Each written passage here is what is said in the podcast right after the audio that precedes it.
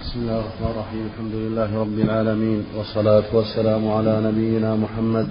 قال الإمام مسلم رحمه الله تعالى وحدثنا أبو بكر بن أبي شيبة قال حدثنا أبو أسامة عن هشام عن محمد عن عبيدة عن علي رضي الله عنه قال لما كان يوم الأحزاب قال رسول الله صلى الله عليه وسلم ملأ الله قبورهم وبيوتهم نارا كما حبسونا وشغلونا عن الصلاة الوسطى حتى غابت الشمس. وحدثنا محمد بن أبي بكر المقدمي قال حدثنا يحيى بن سعيد. حاء وحدثنا وإسحاق بن إبراهيم قال أخبرنا المعتمر بن سليمان جميعا عن هشام بهذا الإسناد.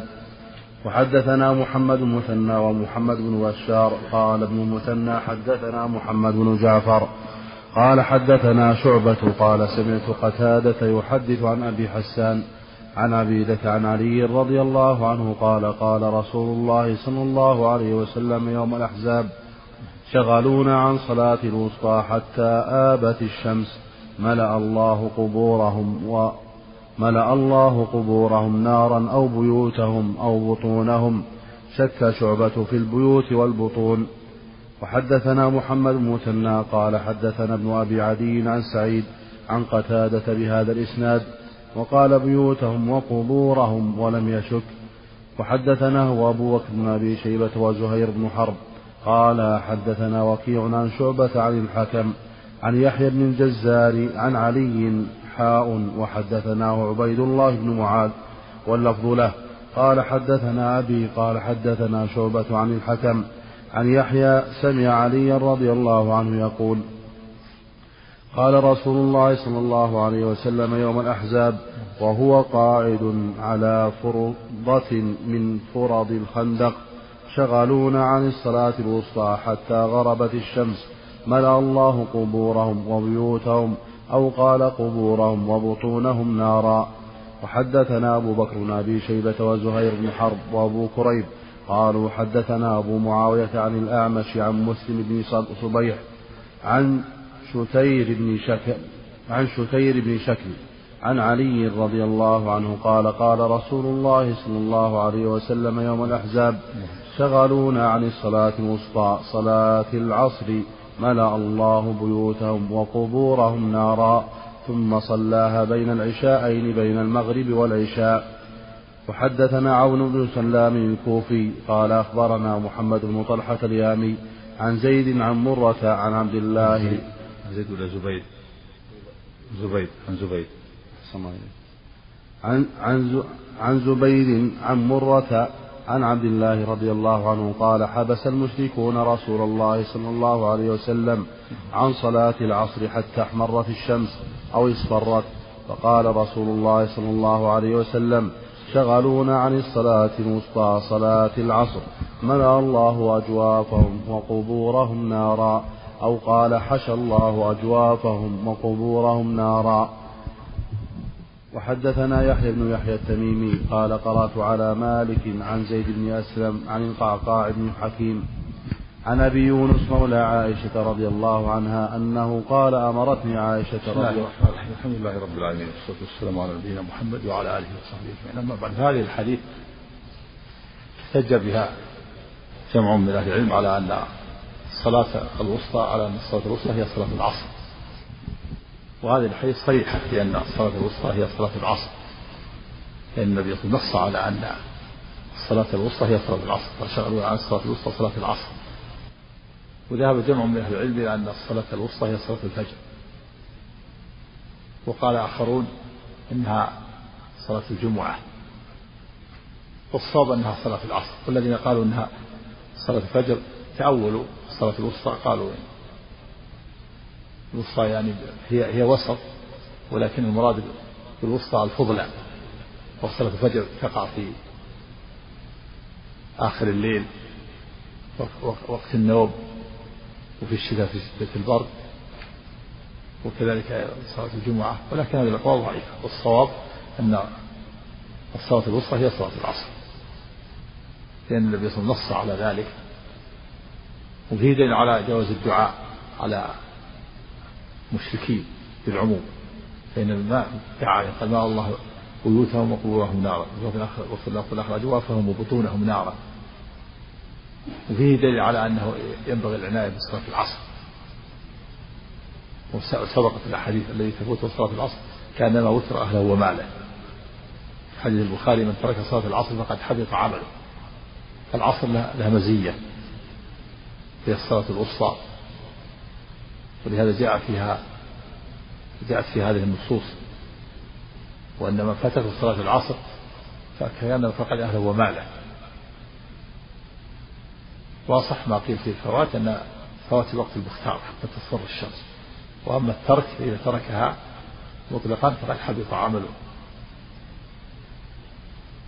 ويلزم من الحبوط الكفر نعوذ بالله. هو من أدلة من قال بكفر تارك الصلاة. وليس خاصا هذا بصلاة العصر وإنما نبه بصلاة العصر على غيرها كما قال ذلك ابن عبد البر. فجميع الصلوات من ترك واحدة منها كفر نعوذ بالله. وفيها النبي صلى الله عليه وسلم يوم الأحزاب لم يصلي العصر إلا بعد غروب الشمس. أما بعض حتى احمرت الشمس وحتى غربت. هذا بعض الرماة ويحتمل احمرت غابت. وجاء في الحديث الآخر النبي صلى الله عليه وسلم صلى العصر بعدما غربت الشمس ثم صلى بعدها المغرب. وجاء في في غير مسلم عند النسائي أن النبي صلى الله عليه وسلم صلى أربع صلوات. في وقت واحد صلى الظهر ثم صلى العصر ثم صلى المغرب ثم صلى العشاء. ذهب الجمهور إلى أن النبي صلى الله عليه وسلم إنما أخر صلاة العصر للاشتغال في القتال لأن هذا قبل قبل شرعية صلاة الخوف. وأما بعد شرعية صلاة الخوف فإنه يصلي الصلاة في وقتها على إحدى الأوجه على أحد الأوجه التي وردت. عن النبي صلى الله عليه وسلم فإن صلاة الخوف وردت على أوجه. قال الإمام أحمد رحمه الله جاء صلاة الخوف عن النبي على ستة أوجه وسبعة أوجه كلها جائزة. ومنها أنه إذا كان العدو وجاه في جهة غير جهة القبلة صلوا إلى جهة العدو ولو لغير القبلة. من الأوجه النبي صلى الله عليه وسلم صف أصحابه صفين.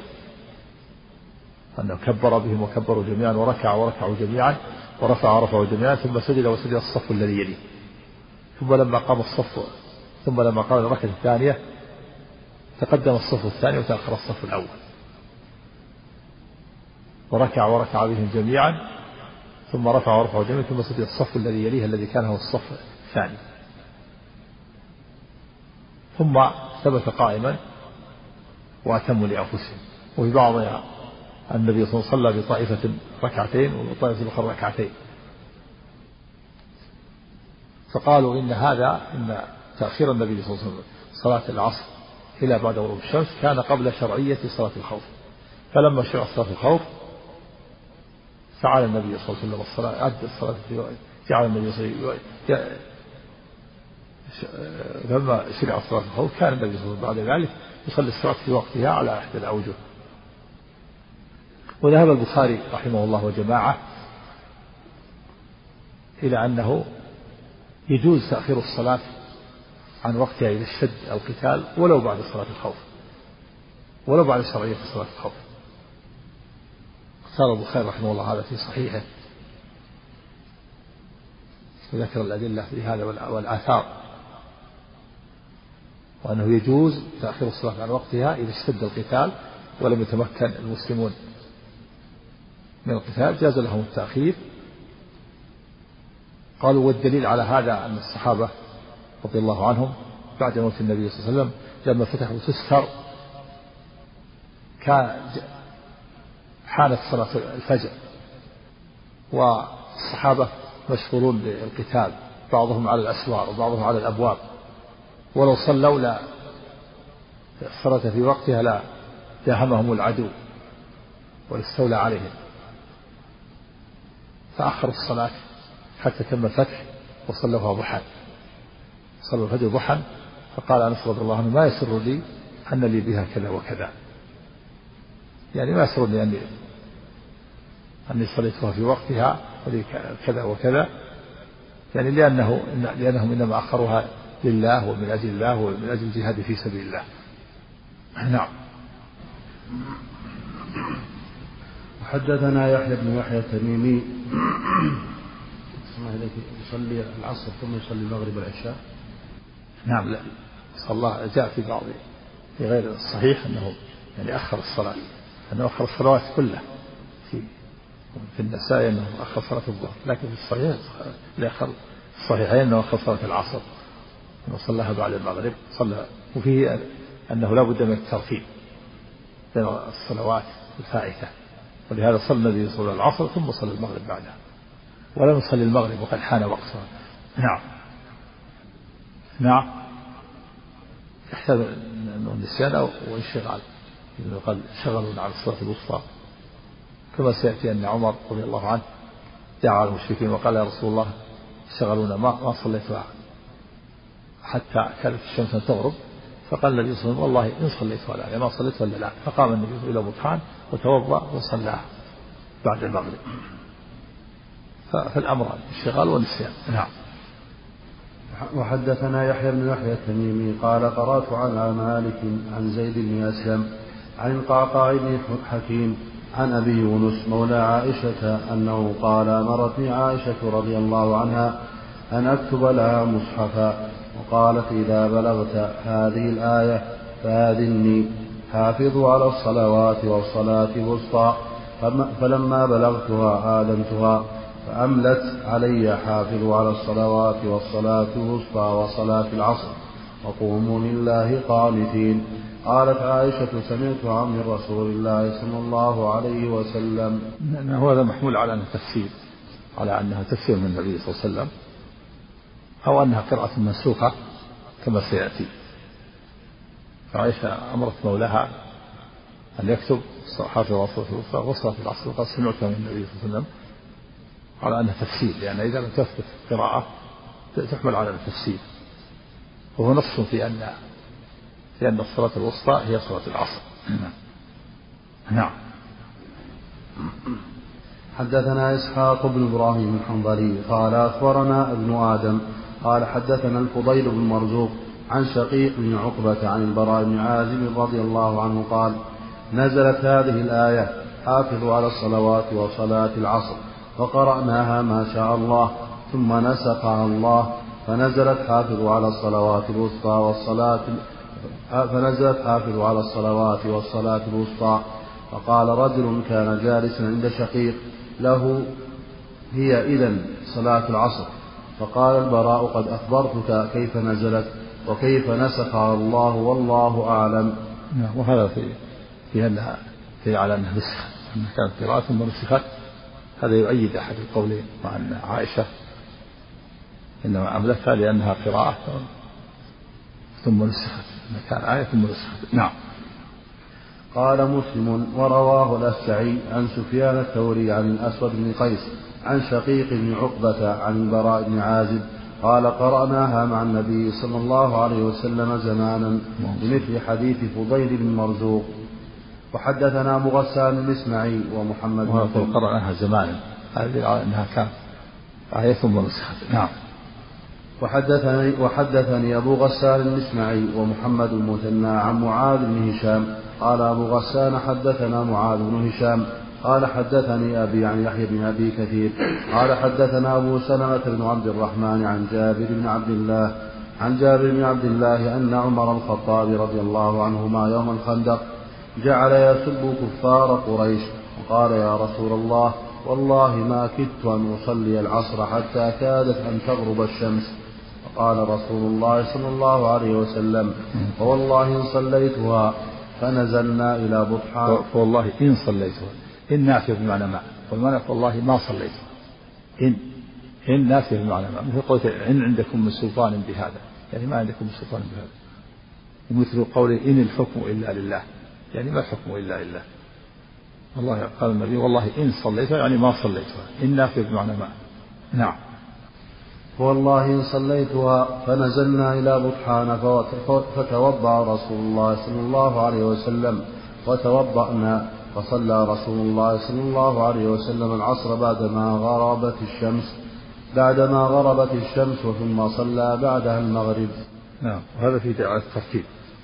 وأنه يجب الترتيب بين الفوائد وهذا هو الصواب. وذهب بعضهم إلى أنه يجوز تقديم الصلاة الحاضرة لكن هذا قول ضعيف. الصواب أنه لابد من الترتيب بين الفوائد. نعم. نعم. إذا إذا خشي خروج الوقت. أما خشية الجماعة ما إذا كانت الصلاة الحاضرة لو صلى الصلاة الفائتة خرج وقتها نعم في هذه الحالة لا بأس. نعم. وحدثنا أبو بكر بن أبي شيبة وإسحاق بن إبراهيم. قال أبو بكر حدثنا وقال إسحاق أخبرنا وكيع عن علي بن المبارك عن ابن أبي كثير في هذا الإسناد مثله بمثله. حدثنا يحيى بن يحيى قال قرأت على مالك عن أبي الزناد عن الأعرج عن أبي هريرة رضي الله عنه أن رسول الله صلى الله عليه وسلم قال يتعاقبون فيكم ملائكة بالليل وملائكة بالنهار. ويجتمعون في صلاة الفجر وصلاة العصر. ثم يعرج الذين باتوا فيكم فيسألهم ربهم وهو أعلم بهم. كيف تركتم عبادي فيقولون تركناهم وهم يصلون وآتيناهم وهم يصلون. وهذا, وهذا في فضل. هاتين الصلاتين. صلاة الفجر وفي العصر وأنها وأنهما الصلاتان اللتان تجتمع فيهما الملائكة.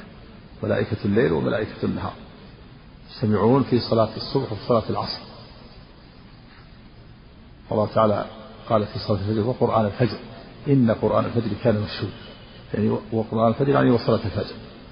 ثم صلاة الفجر القرآن لأن أطول ما فيها القراءة. إن صلاة الفجر كان مشهودة تشهده الملائكة تشهدها الملائكة. في صلاة الفجر تصعد تنزل ملائكة النهار وتصعد ملائكة الليل. وفي صلاة العصر تنزل ملائكة الليل وتصعد ملائكة النهار.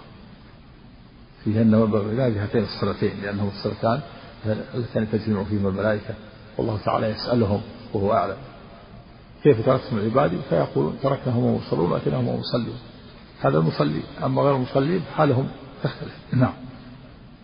يتعاقبون فيكم ملائكة هذه على على لغة قليلة. جمع بين الظاهر والمظهر تسمى لغة كانون البراغيث يتعاقبون فيكم ملائكة بالليل.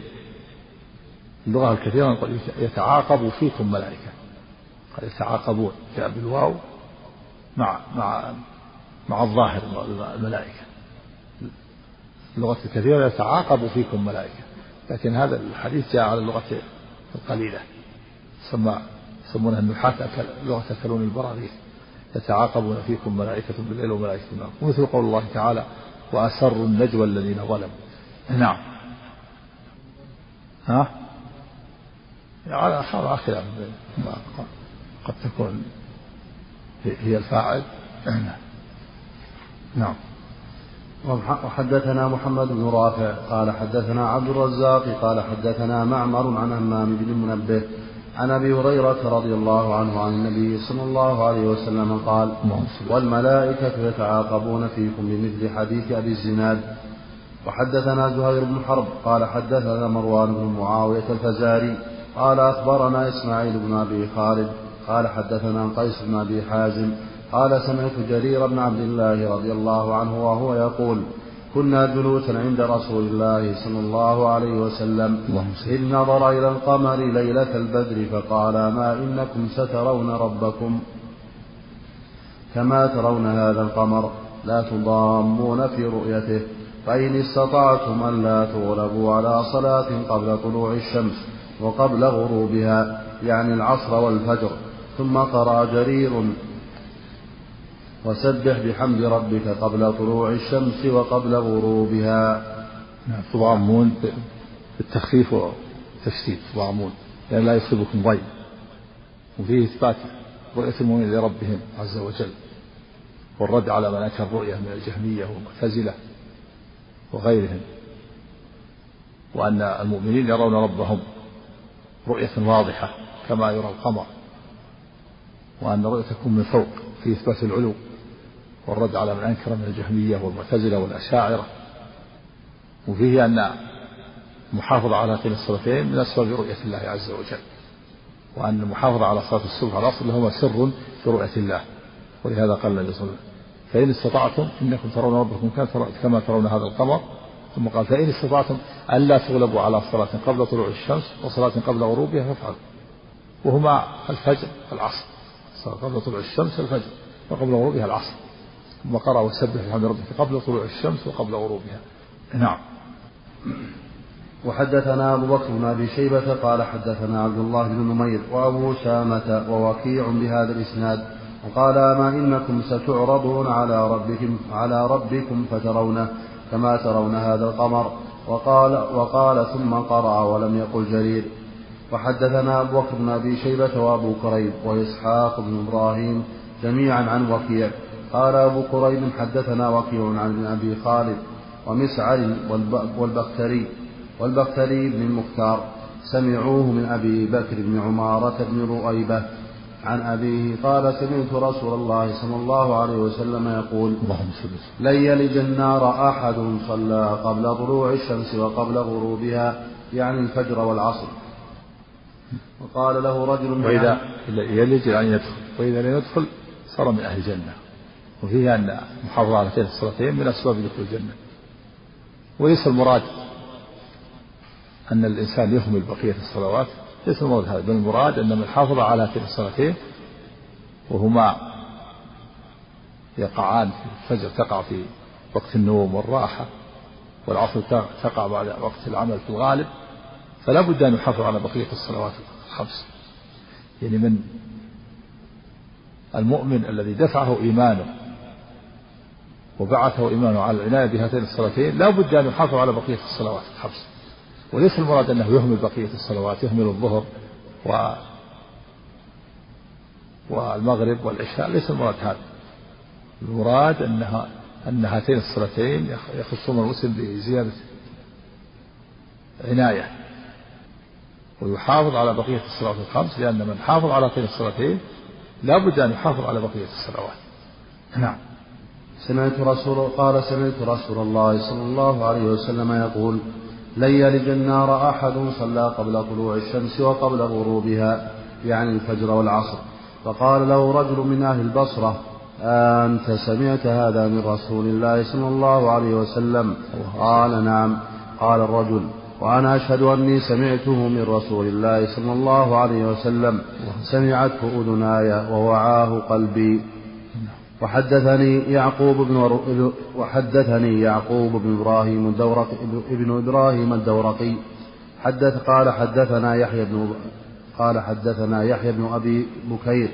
قال حدثنا شيبان عن عبد الملك بن عمير عن ابن أبي عمار عن ابن عمارة بن رؤيبة عن أبيه رضي الله عنه قال قال رسول الله صلى الله عليه وسلم لا يلج النار من صلى قبل طلوع الشمس وقبل غروبها وعنده رجل من أهل البصرة فقال أنت سمعت هذا من النبي صلى الله عليه وسلم؟ قال أشهد به عليه قال أشهد به عليه قال وأنا أشهد. لقد سمعت النبي صلى الله عليه وسلم يقول يقول يقوله بالمكان الذي سمعته منه. وحدثنا هداب بن خالد الأزدي قال حدثنا همام بن يحيى قال حدثني أبو جمرة الضبعي. عن أبي بكر عن أبيه أن رسول الله صلى الله عليه وسلم قال من صلى البردين دخل الجنة. حدثنا ابن نعم، أبي عمر. العصر والمغرب. الفجر الفجر تقع في آخر الليل شد برد الليل. والعصر تقع في آخر النهار حينما يبرد الجو. وفيه أن المحافظة على هاتين الصلاتين من أسباب دخول الجنة. في الحديث السابق لا يلج النار. إذا لم يعني لا يدخل النار. وإذا لم يدخل النار دخل الجنة. فالمحافظة عليهما من أسباب دخول الجنة ومن أسباب رؤية الله عز وجل. وهذا إذا لم يمنع مانع من ارتكاب الكبائر من أهل العلم. أما من ارتكب الكبائر التي هو سعد عليه بالنار أو اللعنة أو الغضب أو وجب فيه حد في الدنيا فإنه فإنه متوعد بالنار. متوعد بالنار وقد يدخلها من الجنة من أول وهلة وقد يتأخر دخوله. حتى يطهر في النار إذا لم يعفو الله عنه. نعم. حدثنا ابن أبي عمر قال حدثنا بشر بن السري حاء قال وحدثنا ابن خراش قال حدثنا عمرو بن عاصم قال جميعا حدثنا همام بهذا الإسناد ونسب أبا بكر فقال ابن أبي موسى. حدثنا قتيبة بن سعيد قال حدثنا حاتم. هجاب معروف. نعم هدبة تقريب. ها؟ كلكم هداب راجع. تقريب. كان موجود؟ لا. نعم. الفجر والعصر. فال... نعم. ما أعرف ها؟ لا لا. الفجر والعصر. نعم. حدثنا قتيبة بن سعيد قال حدثنا حاتم وهو ابن إسماعيل عن يزيد بن أبي عبيد عن سلمة بن أكوع رضي الله عنه أن رسول الله صلى الله عليه وسلم كان يصلي المغرب إذا غربت الشمس وتوارت بالحجاب. وحدثنا محمد بن مهران الرازي قال حدثنا الوليد بن مسلم قال حدثنا الأوزاعي قال حدثنا أبو النجاشي قال سمعت رافع بن خديج رضي الله عنه يقول كنا نصلي كنا نصلي المغرب مع رسول الله صلى الله عليه وسلم فينصرف أحدنا وإنه ليبصر مواقع نبله. يعني من شدة تبكيره لأنه كان يبكر بصلاة المغرب حتى إذا توارت بالحجاب وينصرف من صلاة المغرب وواحد يبصر موقع نبله. كان يبادر بها عليه الصلاة والسلام وليس المراد أنه كان يبادر بمعنى أنه من حين ينتهي المؤذن يدخل الصلاة بل يتأخر بعض الشيء كما جاء في الحديث الآخر أن الصحابة كانوا يبتدرون السواري يصلون ركعتين قبل المغرب والحديث الآخر صلوا قبل المغرب صلوا قبل المغرب ثم قال في الثالثة لمن شاء. فكان النبي صلى الله عليه وسلم بعدما ينتهي المؤذن يصلي الناس ركعتين ثم بعد ذلك يصلي بالناس عليه الصلاة والسلام. والمعنى أنه كان يبكر بها بخلاف الصلوات الأخرى الظهر والعشاء والفجر يتأخر بعض الشيء. لكن المغرب كان يتأخر قليلا يصلي ركعتين والمتوضئ ينتهي من وضوءه وما أشبه ذلك. أما ما يفعله بعض الناس بعض الأئمة من كونهم يقف عند المؤذن مجرد ما ينتهي المؤذن من قول لا إله إلا الله. يدخل في الصلاة هذا ليس ليس هو السنة. نعم.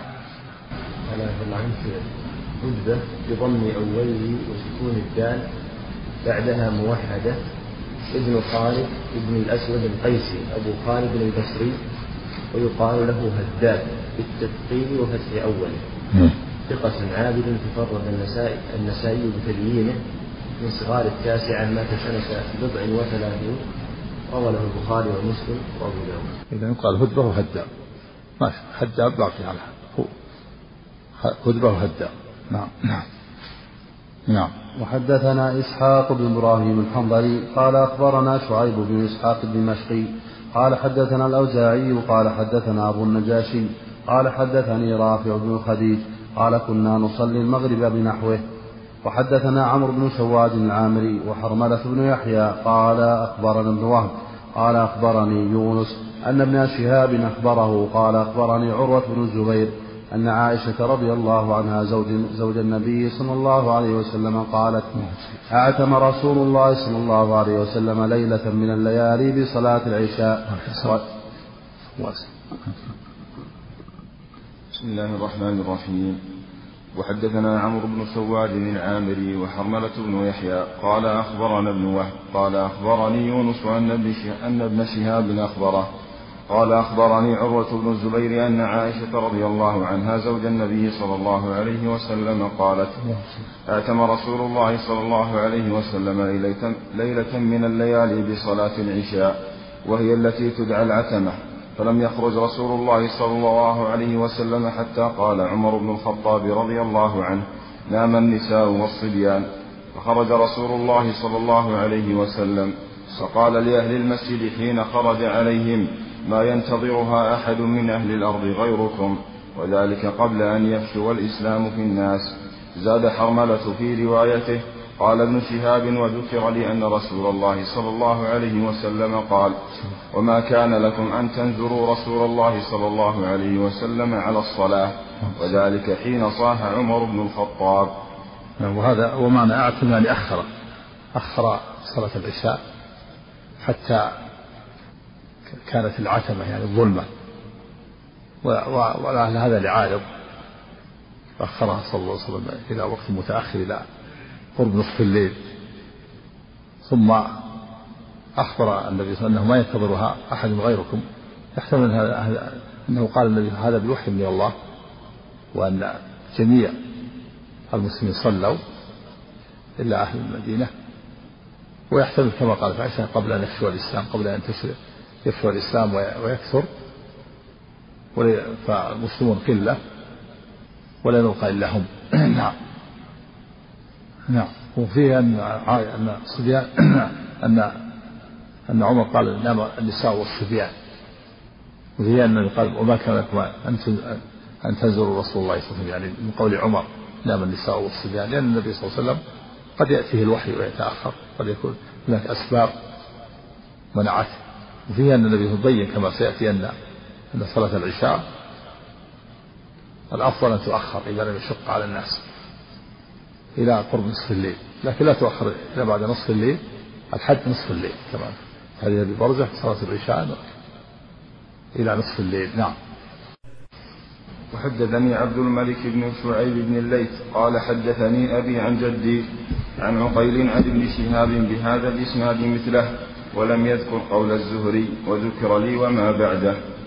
حدثنا إسحاق بن إبراهيم ومحمد بن حاتم كلاهما عن محمد بن بدر. قال وحدثني هارون بن عبد الله. قال حدثنا حجاج بن محمد. حاء قال وحدثني حجاج بن الشاعر ومحمد بن رافع. قال حدثنا عبد الرزاق وألفاظهم متقاربة. قالوا جميعا عن ابن جريج. قال أخبرني الم... قال أخبرني المغيرة بن حكيم عن أم عن أم كلثوم بنت أبي بكر أنها أخبرته عن عائشة رضي الله عنها. قالت أعتم النبي صلى الله عليه وسلم ذات ليلة حتى ذهب عامة الليل وحتى نام أهل المسجد ثم خرج فصلى فقال إنه لوقتها لولا أن أشق على أمتي. وفي حديث عبد يعني لوقتها إن لوقتها المختار والأفضل وإلا وقت العشاء من مغيب الشفق إلى نصف الليل. يعني لوقتها الأفضل فالأفضل تأخير ولهذا يقول العلماء وتأخير العشاء تأخيرها إلى صلاة الليل إلى ثلث الليل أفضل إن سهل. فلو كان جماعة في قرية ليس معهم غيرهم أو في مزرعة واتفقوا على تأخيرها إلى ثلث الليل فهذا هو الأفضل. أما في المدن والقرى فلا فلا تؤخر لأن هذا يشق على الناس. نعم. وفي حديث عبد الرزاق لولا أن يشق على أمتي وحد. نعم. المرأة؟ نعم لا بأس. المرأة بالخيار. إذا كان الأرفق بها تؤخر إلى ثلث الليل لكن بس يخشى من بعض النساء التأخير إلى بعد خروج الوقت. بعض النساء تتساهل حتى يكاد الوقت يخرج. لكن إذا أخرت إلى إلى ثلث الليل لا بأس. نعم. يقول عمر نعم النساء والصبيان؟ يفهم أن النساء كانوا والصبيان يصلون مع نعم كان في النساء يصلي مع يصلين كما سيأتي في صلاة الصبح وفي غيره كنا يصلين مع النبي صلى الله عليه وسلم. نعم. وحدثني زهير بن حرب وإسحاق بن إبراهيم. قال إسحاق أخبرنا وقال زهير حدثنا جرير عن منصور عن الحكم عن نافع عن ابن عمر رضي الله عنهما قال مكثنا ذات ليلة ننتظر رسول الله صلى الله عليه وسلم لصلاة العشاء الآخرة فخرج إلينا حين ذهب ثلث الليل أو بعده فلا ندري أي فلا ندري أشيء شغله في أهله أو غير ذلك. فقال حين خرج إنكم لتنتظرون صلاة ما ينتظرها أهل دين غيركم. ولولا أن يثقل على أمتي لصليت بهم هذه الساعة. ثم أمر المؤذن فأقام الصلاة وصلى. وهذا واضح في أنه قال هذا بوحي من الله قال ما ينتظرها غيركم. هذا بوحي من الله. نعم. وحدثني. وعائشة استهل قالت وذلك قبل أن يفشو الإسلام قبل أن ينتشر. نعم قالت يعني ما فيه غير أهل المدينة يصلون والإسلام ما انتشر. لكن الأظهر أنه قال النبي قال هذا بوحي من الله لأن هناك أهل جواثة في الأحساء في البحرين كانوا أسلموا قديما وكانوا يصلون. نعم. وحدثني محمد بن رافع قال حدثنا عبد الرزاق قال أخبرنا ابن جريج قال أخبرني نافع قال حدثنا عبد الله بن عمر رضي الله عنهما أن رسول الله صلى الله عليه وسلم شغل عنها ليلة فأخرها حتى رقدنا في المسجد ثم استيقظنا ثم رقدنا ثم استيقظنا ثم خرج علينا رسول الله صلى الله عليه وسلم ثم قال ليس أحد من أهل الأرض الليلة ينتظر الصلاة غيركم. قوله رقدنا ثم استيقظنا يعني نعسنا يحمل على النعاس الذي لا ينقض الوضوء. مثل ما جاء في الحديث الآخر أن الصحابة كانوا ينتظرون صلاة العشاء ثم ينامون ثم يصلون ولا يتوضؤون يعني ينعسون محمول على النعاس الذي لا يزول معه الإحساس والشعور. النعاس الذي يسمع الإنسان من حوله. و ولا يزول معه الإحساس هذا لا ينقض الوضوء. إنما ينقض الوضوء النوم المستغرق الذي يزول معه الإحساس. حيث لو خرج من الحدث ما يشعر به. نعم. وحدثني أبو بكر بن نافع العبدي قال حدثنا بهز بن أسد العمي قال حدثنا حماد بن سلمة عن ثابت أنهم سألوا أنس رضي الله عنه عن خاتم رسول الله صلى الله عليه وسلم فقال أخر رسول الله صلى الله عليه وسلم العشاء ذات ليلة إلى شطر الليل أو كاد يذهب شطر الليل. ثم جاء فقال إن الناس قد صلوا وناموا وأنتم لم تزالوا في صلاة ما انتظرتم الصلاة. وهذا فيه إشارة المؤمن في صلاة ما دام ينتظر الصلاة. إذا تأخر الإمام بعض الشيء فالإنسان على خير. هو في صلاة. بعض الناس يتضايق إذا تأخر الإمام فأنت في صلاة. ما دمت تنتظر الصلاة فأنت في صلاة. هذه بشارة من المؤمن على خير الملائكة تستغفر لك وتدعو لك. ما لم يؤذن الإنسان وما لم يحدث. إذا تأخر الإمام عشر دقائق خمس دقائق أنت على خير. أنت في صلاة ما دمت تنتظر الصلاة. نعم. ولهذا قال أنتم في صلاة ما دمتم تنتظرونها. نعم. قال أنس كأني أنظر إلى وبيص خاتمه من فضة ورفع إصبعه اليسرى بالخنصر. والبيص والبيص اللمعان. أنظر إلى لمعان خاتم. فيه دليل على جواز لبس خاتم الفضة للرجل. كما في هذا الحديث النبي صلى الله عليه وسلم لبس خاتم فضة.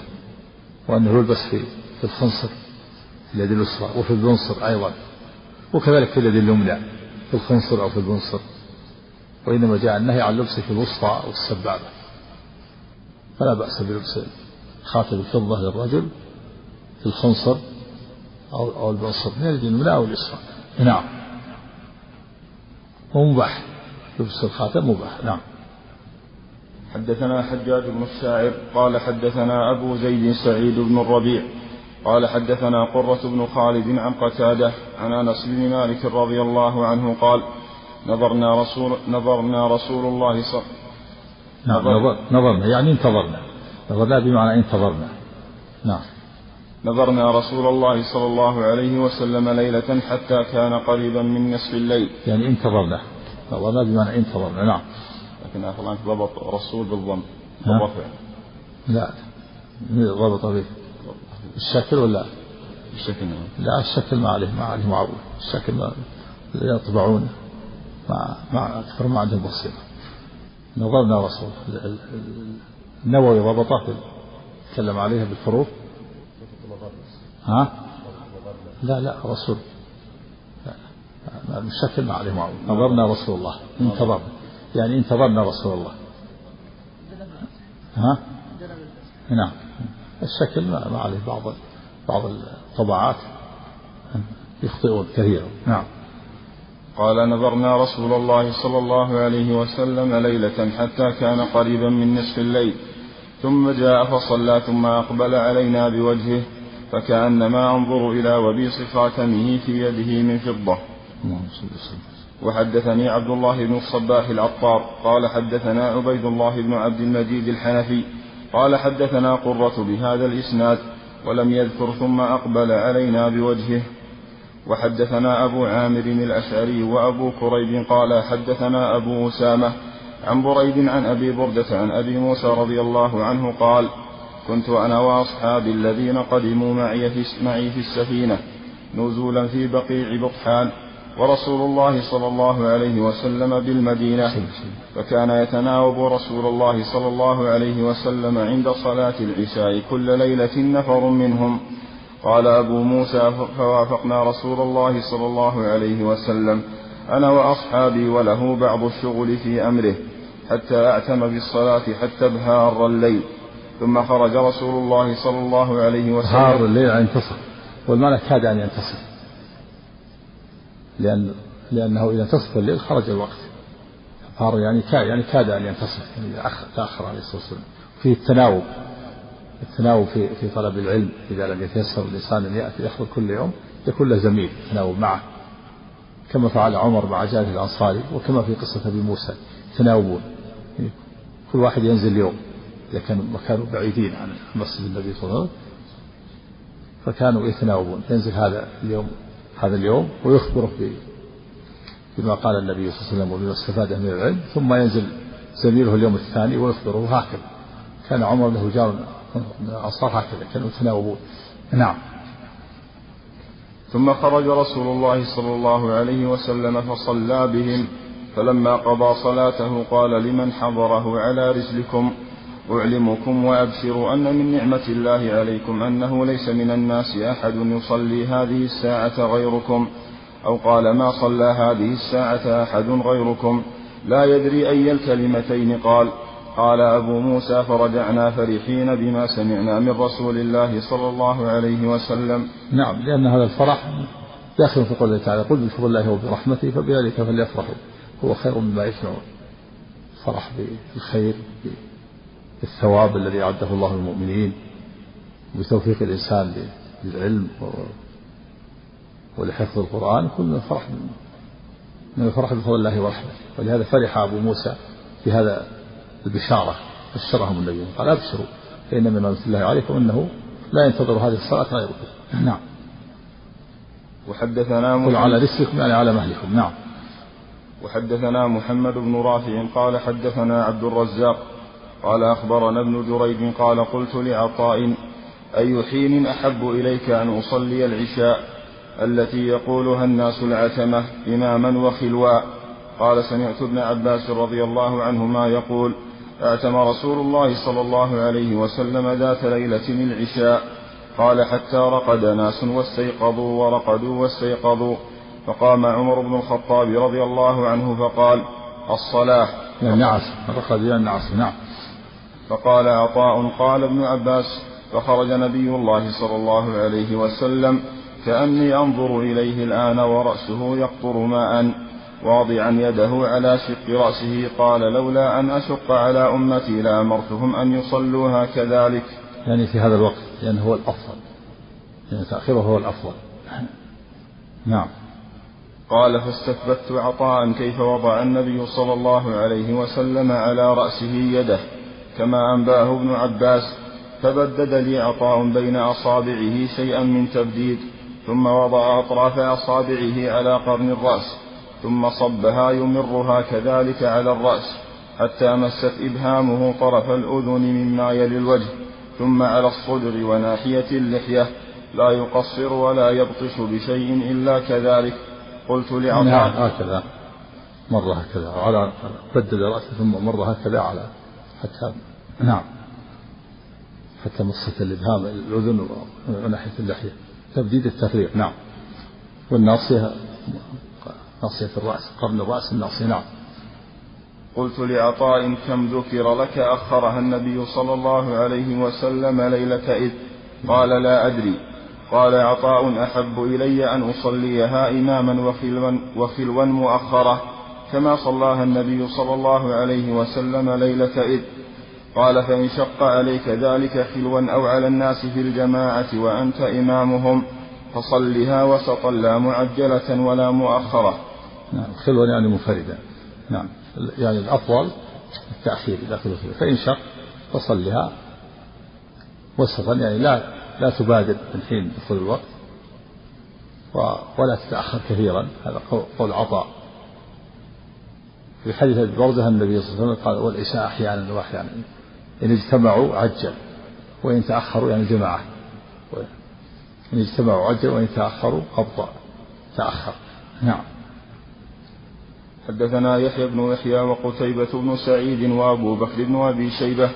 قال يحيى أخبرنا وقال الآخران حدثنا أبو الأحوص عن سماك عن جابر بن سمرة رضي الله عنه قال كان رسول الله صلى الله عليه وسلم يؤخر صلاة العشاء الآخرة. نعم. وحدثنا قتيبة بن سعيد وأبو كامل الجحدري. قال حدثنا أبو عوانة عن سماك عن جابر بن سمرة رضي الله عنه قال كان رسول الله صلى الله عليه وسلم يصلي الصلوات نحوا من صلاتكم وكان يؤخر العتمة بعد صلاتكم شيئا وكان يخف الصلاة وفي رواية أبي كامل يخفف. نعم. والعتمة العشاء نعم. وحدثني زهير بن حرب وابن أبي عمر قال زهير حدثنا سفيان بن عيينة عن ابن أبي لبيد عن أبي سلمة عن عبد الله بن عمر رضي الله عنهما قال سمعت رسول الله صلى الله عليه وسلم يقول لا تغلبنكم الأعراب على اسم صلاتكم ألا إنها العشاء وهم يعتمون بالإبل. لأن الأعراب يسمونها العتمة لا تغلبنكم على اسم صلاتكم العشاء هم يسمونها العتمة يعني يسموها العشاء. نعم. وحدثنا أبو بكر بن أبي شيبة قال حدثنا وكيع قال حدثنا سفيان عن عبد الله بن أبي لبيد عن أبي سلمة بن عبد الرحمن عن ابن عمر رضي الله عنهما قال قال رسول الله صلى الله عليه وسلم لا تغلبنكم الأعراب على اسم صلاتكم العشاء فإنها في كتاب الله العشاء وإنها تعتم بحلاب الإبل. يعني يؤخرون يعتم يؤخرون حلاب الإبل.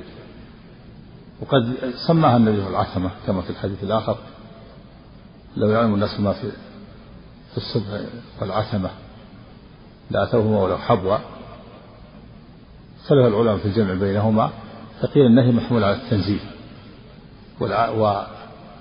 وتسميتها العتمة جائز ولكن النهي للتنزيل وقيل المعنى وقيل النهي إنما هو محمول على الكثرة.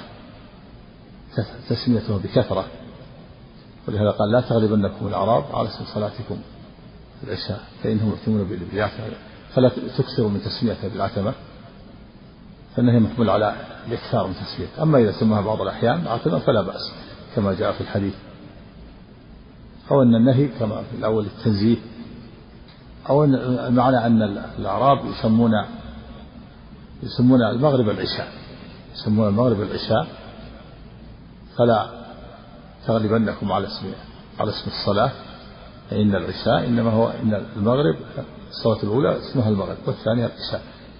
نعم.